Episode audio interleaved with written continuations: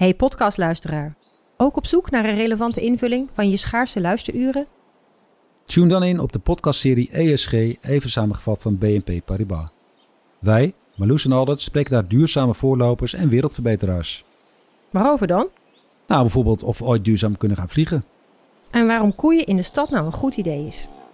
Dat en meer elke twee weken in een nieuwe aflevering. Dus abonneer je. ESG, even samengevat. Ik ben al jaren ondernemer, maar waar moet ik eigenlijk allemaal aan denken nu ik voor het eerst personeel wil aannemen, voor het eerst ga importeren of voor het eerst een bedrijfslocatie zoek? Weet wat je wel of niet moet doen bij zaken die je voor het eerst oppakt. Check kvk.nl voor praktische stappenplannen. KVK, hou vast voor ondernemers. Vanaf de redactie van NRC het verhaal van vandaag. Mijn naam is Thomas Ruip.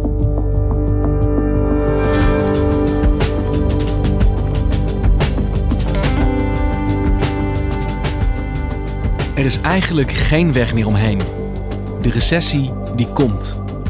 Economieën wereldwijd kraken onder de gevolgen van de corona-uitbraak. En Nederland is daarop geen uitzondering. Economisch journalist Maarten Schinkel ziet hoe de overheid zich daartegen probeert te wapenen. Maar kan dat wel? Hoe diep wordt de krater die dit virus gaat slaan?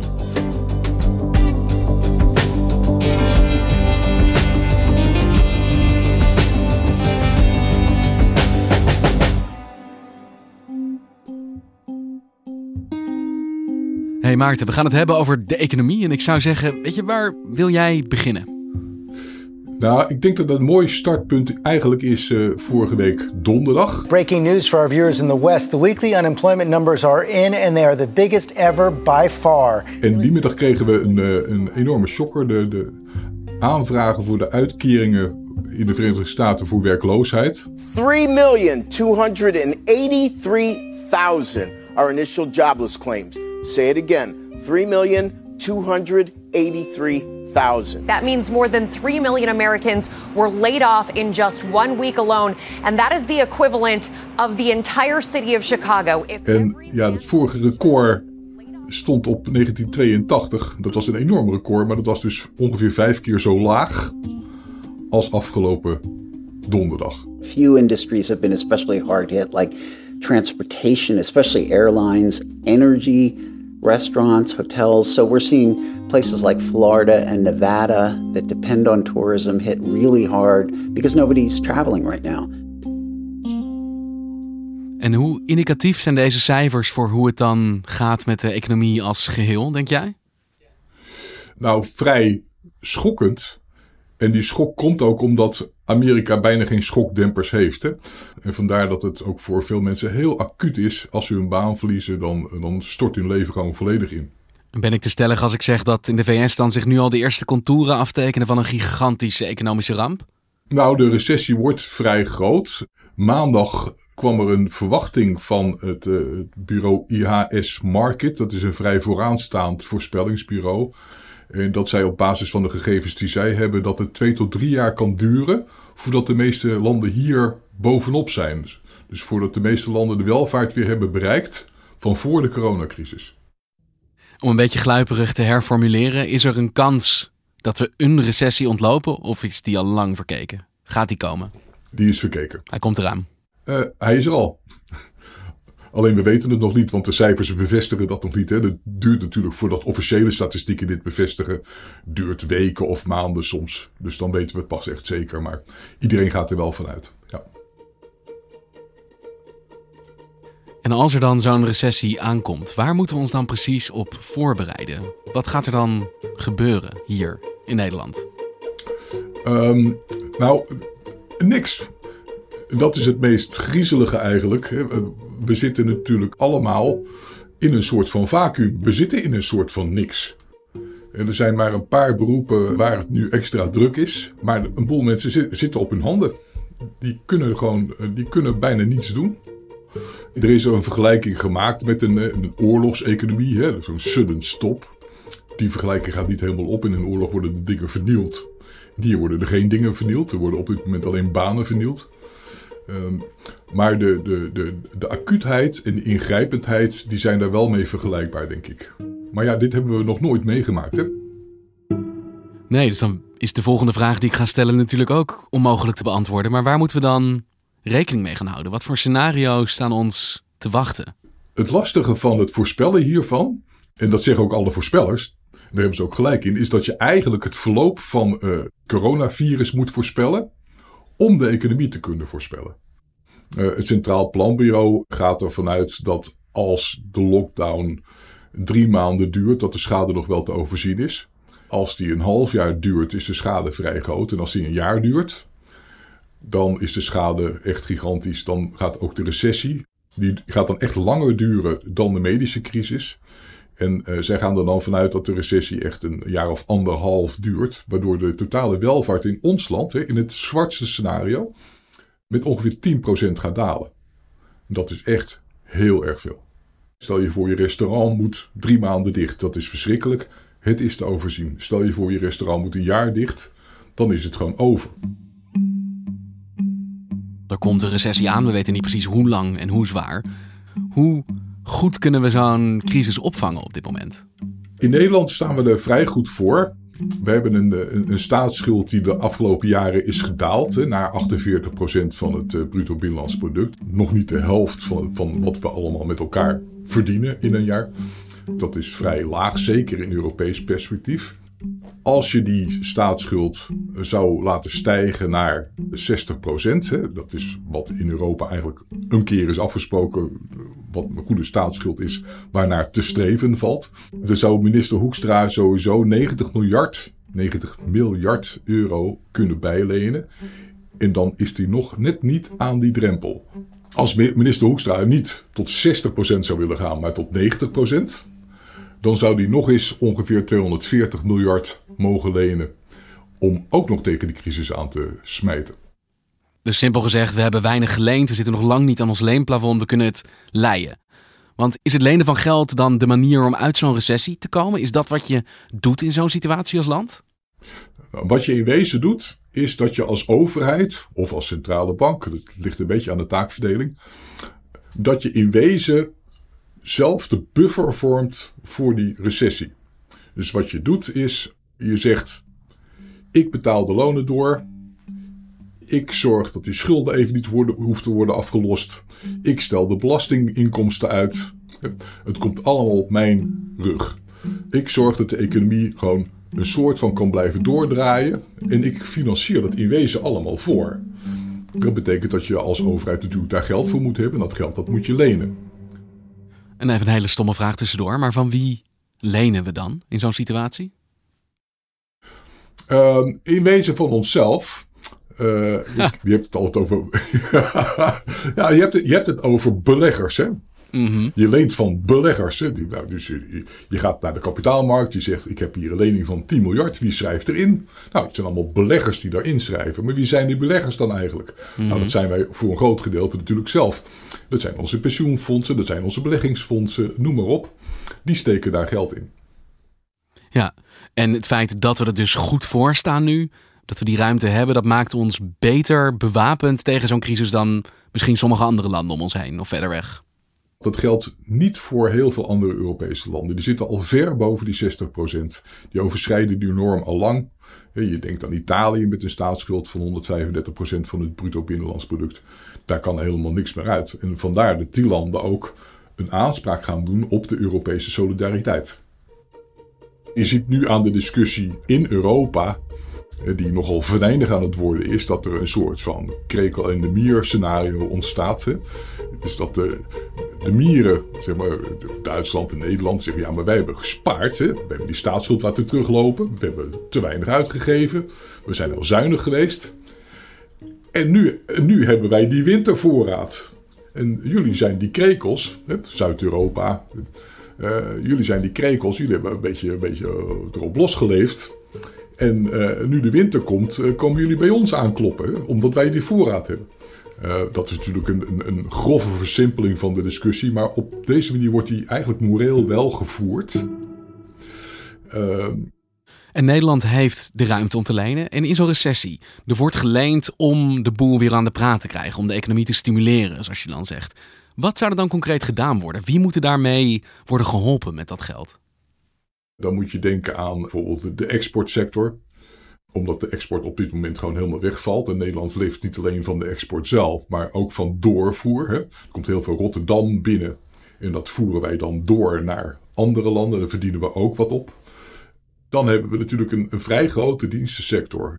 Uh, dus er zijn heel veel bedrijfstakken die op dit moment echt direct geraakt worden door deze crisis. Niemand heeft dit meegemaakt. Ik heb echt waar perplex. Ik weet het niet. Nou, je hebt niet alleen de zaak waar we nu voor staan, je hebt nog meer bedrijven, die moeten ook dicht. Ja, die zijn ook dicht. Alles is dicht zoals je ziet, het is donker hierachter. We hebben de mensen weg moeten sturen. Het is drama. Drama. Als er iets vermaakt moet worden, stuurt Veronique haar klanten door naar deze kleermaker. Hij heeft nog een beetje werk aan een bruidsjurk. Zij heeft ons weer bereikt van, uh, weet je, je mag de jurk wel doen, maar de bruiloft is toch al geannuleerd. Als het gewoon echt te lang duurt, ja, weet je, het huurblij gaat ook door. En ja, dan moeten we gewoon kijken naar iets anders in plaats van, zeg maar, winkel open te houden. Uh, mensen komen na verloop van tijd echt op straat te staan. Dat zijn sectoren waar, waar je moet denken. En dat, dat zijn stevige delen van je bruto binnenlands product.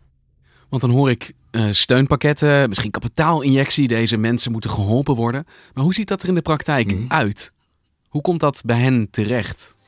Goedemorgen. Bedrijven die getroffen zijn door de coronacrisis kunnen in aanmerking komen voor een loonregeling van het kabinet. Maandag 6 april gaat daar een loket voor open. Dat is op dit moment wat je zou noemen een work in progress. Je hebt uitstel van belastingbetalingen is er één. Het financieren van lonen van werknemers zodat ze in dienst kunnen blijven bij hun bedrijf. Het kabinet zet alles op alles om de werkgelegenheid zoveel mogelijk te behouden. En daarom doet het kabinet een grote tegemoetkoming in de lonen van medewerkers die nu in onzekerheid verkeren omdat bedrijven op dit moment geen geld hebben of werk voor hen hebben. Nu alles is stilgevallen. En deze regeling is bedoeld voor bedrijven die te maken hebben met een omzetverlies van 20 procent. Uh, je kan je voorstellen dat het om heel wat bedrijven gaat. Duizenden, tienduizenden bedrijven. Het aanzetten van banken om coulanter te zijn met het uh, innen van rentes en aflossingen steun voor bedrijven, directe steun voor bedrijven die anders echt acuut zouden omvallen, terwijl ze hartstikke levensvatbaar zijn. Nou, dat zijn de maatregelen waar je, waaraan je moet denken. Want zeg een kapper die nu een maand zonder werk zit en bijna door zijn of haar reserves aan het raken is, krijgt hij nu genoeg om het hoofd boven water te houden? Of zijn dit ja, doekjes voor het bloeden? Uh, dat, dat, nou, het is toch een beetje, een beetje aanzien. Hè? Op, kijk, het kan zijn dat, dat als die kapper ZZP'ers in dienst heeft, dat die worden aangevuld tot een soort van bijstandsniveau. Dat is een loket wat gericht is uh, op ondernemers die in sectoren werken die direct getroffen zijn door de overheidsmaatregelen die we hebben moeten nemen om het virus te bestrijden. Om die ondernemers tegemoet te komen uh, is er een vergoeding van 4000 euro belastingvrij bij dat loket. En dat loket gaat nu, op dit moment, open. Alles is erop gericht om gewoon deze moeilijke tijd even door te komen. Want het is misschien het beste uit te leggen met het verschil tussen solvabiliteit en liquiditeit.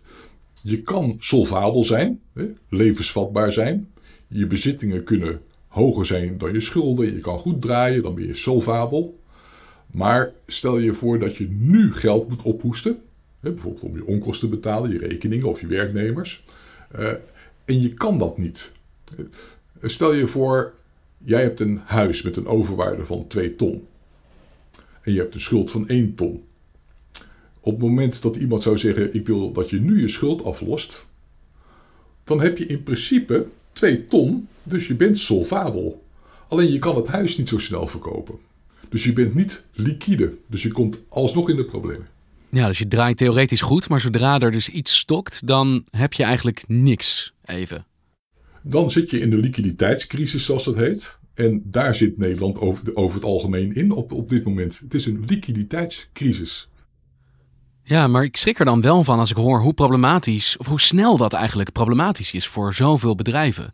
Legt deze crisis dan ook niet iets bloot dat er misschien een structureler probleem aan de hand is? Dat op het moment dat er een maand geen inkomsten zijn, of misschien twee of drie, dat zoveel bedrijven dan al over de kop gaan. Dat klinkt niet als een gezond uitgangspunt. Uh, nou, daar, heb je, daar heb je een vrij goed punt. Wij uh, zijn eigenlijk al decennia bezig met optimaliseren, optimaliseren, optimaliseren. En dat betekent dat je bijvoorbeeld in je productieketens uh, een principe hebt dat heet just-in-time delivery. Alles, alle halffabrikaten, alle grondstoffen komen precies op tijd binnen, zodat er zo weinig mogelijk voorraad hoeft te zijn. En dat is natuurlijk allemaal reuze efficiënt, maar er moet ook niks fout gaan.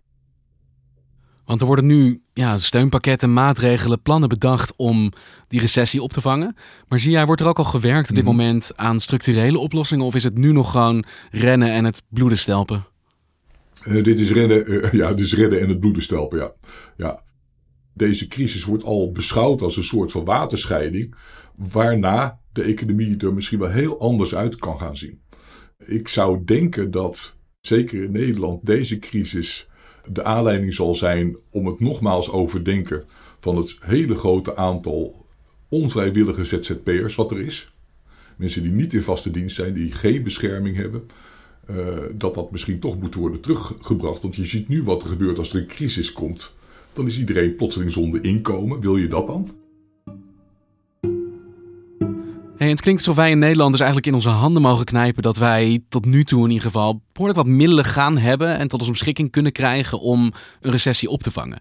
Maar hoe zit dat in de rest van de wereld? Steven wij op dit moment af naar een totale instorting van de wereldeconomie? En, nou, nogmaals, dat hangt dus weer af van het verloop van die ziekte. Maar je ziet een paar verontrustende tendensen. Ik denk dat de Verenigde Staten wel een, een, een, flinke klap van het virus gaat krijgen. En aangezien die economie veel sneller eigenlijk reageert op dit soort tegenslag dan de onze, is waarschijnlijk de initiële reactie veel negatiever dan hier. In een aparte categorie vind ik de ontwikkelende wereld, met name Afrika. Ik denk dat daar een boel moet gebeuren. Als het virus daar toeslaat, Afrika heeft gewoon totaal geen verweer tegen dit soort ontwikkelingen. Uh, Afrika heeft ook weinig geld. En ik denk dat het in ons eigen belang is om de zaak daar in de hand te houden. Anders blijft dat virus straks via de band telkens weer terugkomen. Dat moeten we ook niet hebben. Hey, de vorige keer dat we elkaar spraken, zei je dat er een beetje globaal gezegd drie typen crisis zijn. Uh, je hebt de V, de U en de L. En de V is dan diepe neergang, maar ook snelle opgang. De U is hij gaat stel ja. naar beneden, even op de bodem, maar hij klimt er wel weer uit. En de L is je dondert naar beneden en daar blijf je vervolgens op de bodem liggen. Je zei toen, we zitten ja, nu een beetje ja. tussen de V en de U in. Is dat nog steeds jouw diagnose? Uh, Nouriel Roubini, een uh, Amerikaanse econoom uh, en een vervent zwartkijker trouwens... die introduceerde vorige week een, een nieuwe recessievorm. Oh. Dat is de I. De I.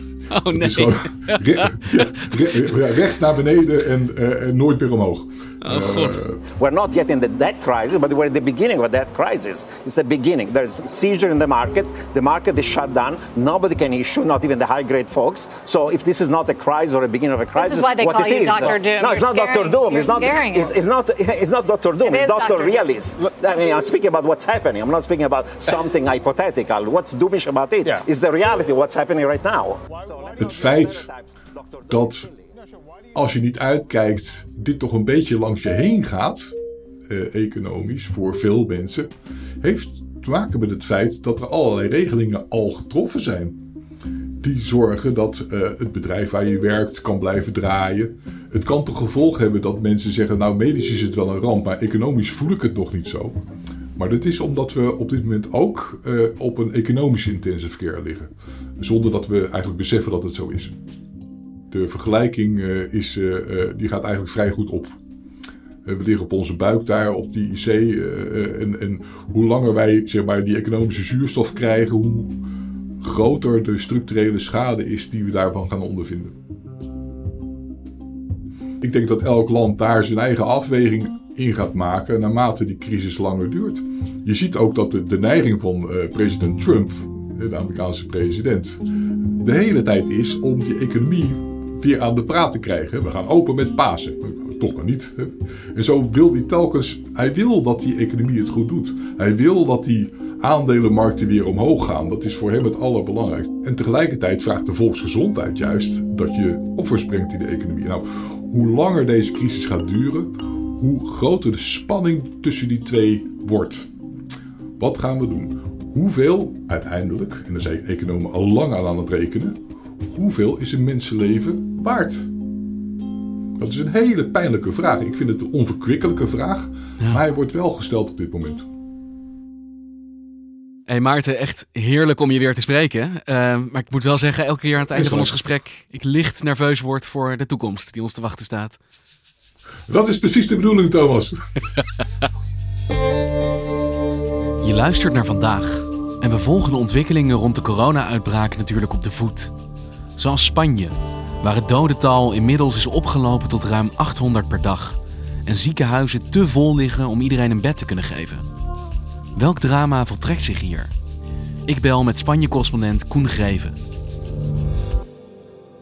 Hey Koen, jij bent gaan spreken met verpleging in de omgeving van Madrid. Hoe gaat het daar op dit moment? Ja, het is bijna een soort sprake van een soort oorlogssituatie. Uh, ziekenhuizen kunnen gewoon de stroom van patiënten niet meer aan. Uh, mensen liggen op gangen, uh, zitten op stoelen, alle bedden zijn bezet. Het verplegend personeel, ja, zo goed en zo kwaad als die kunnen, proberen alles te doen wat ze kunnen.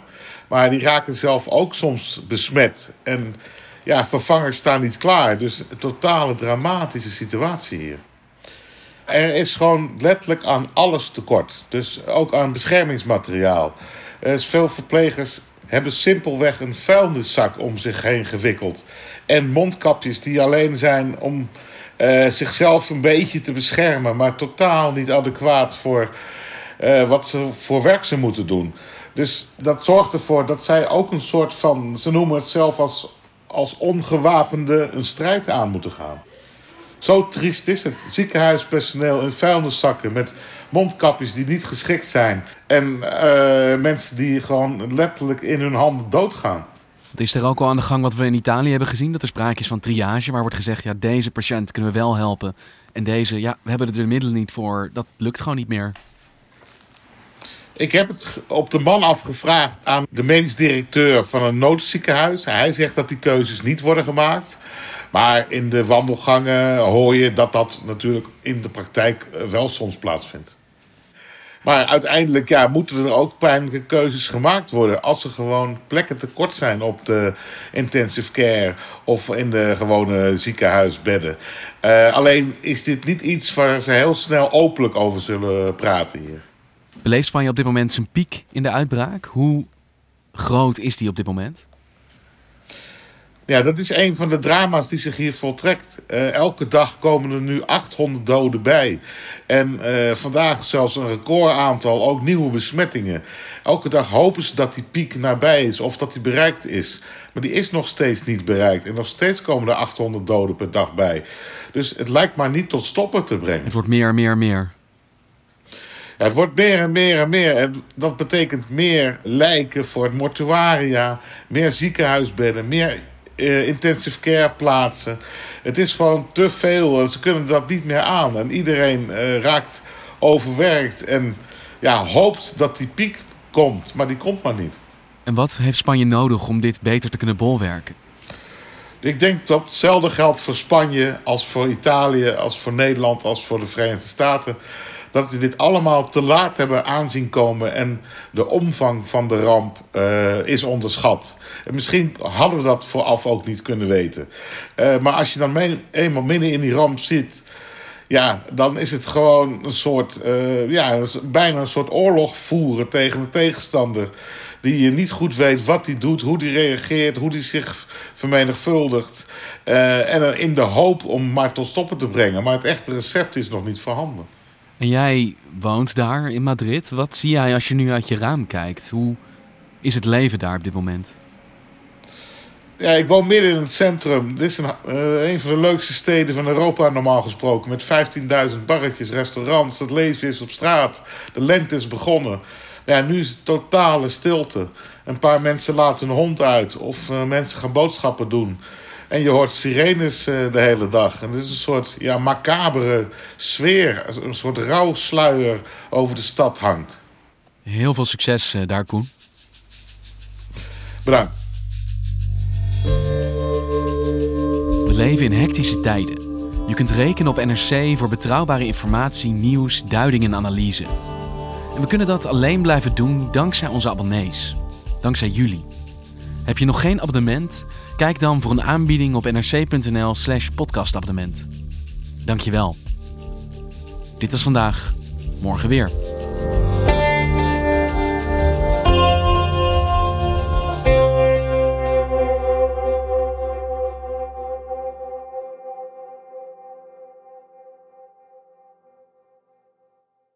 Technologie lijkt tegenwoordig het antwoord op iedere uitdaging. Bij PwC zien we dit anders. Als we de potentie van technologie willen benutten, kunnen we niet zonder een menselijk perspectief. Human-led, tech-powered noemen we dat. Ga naar pwc.nl.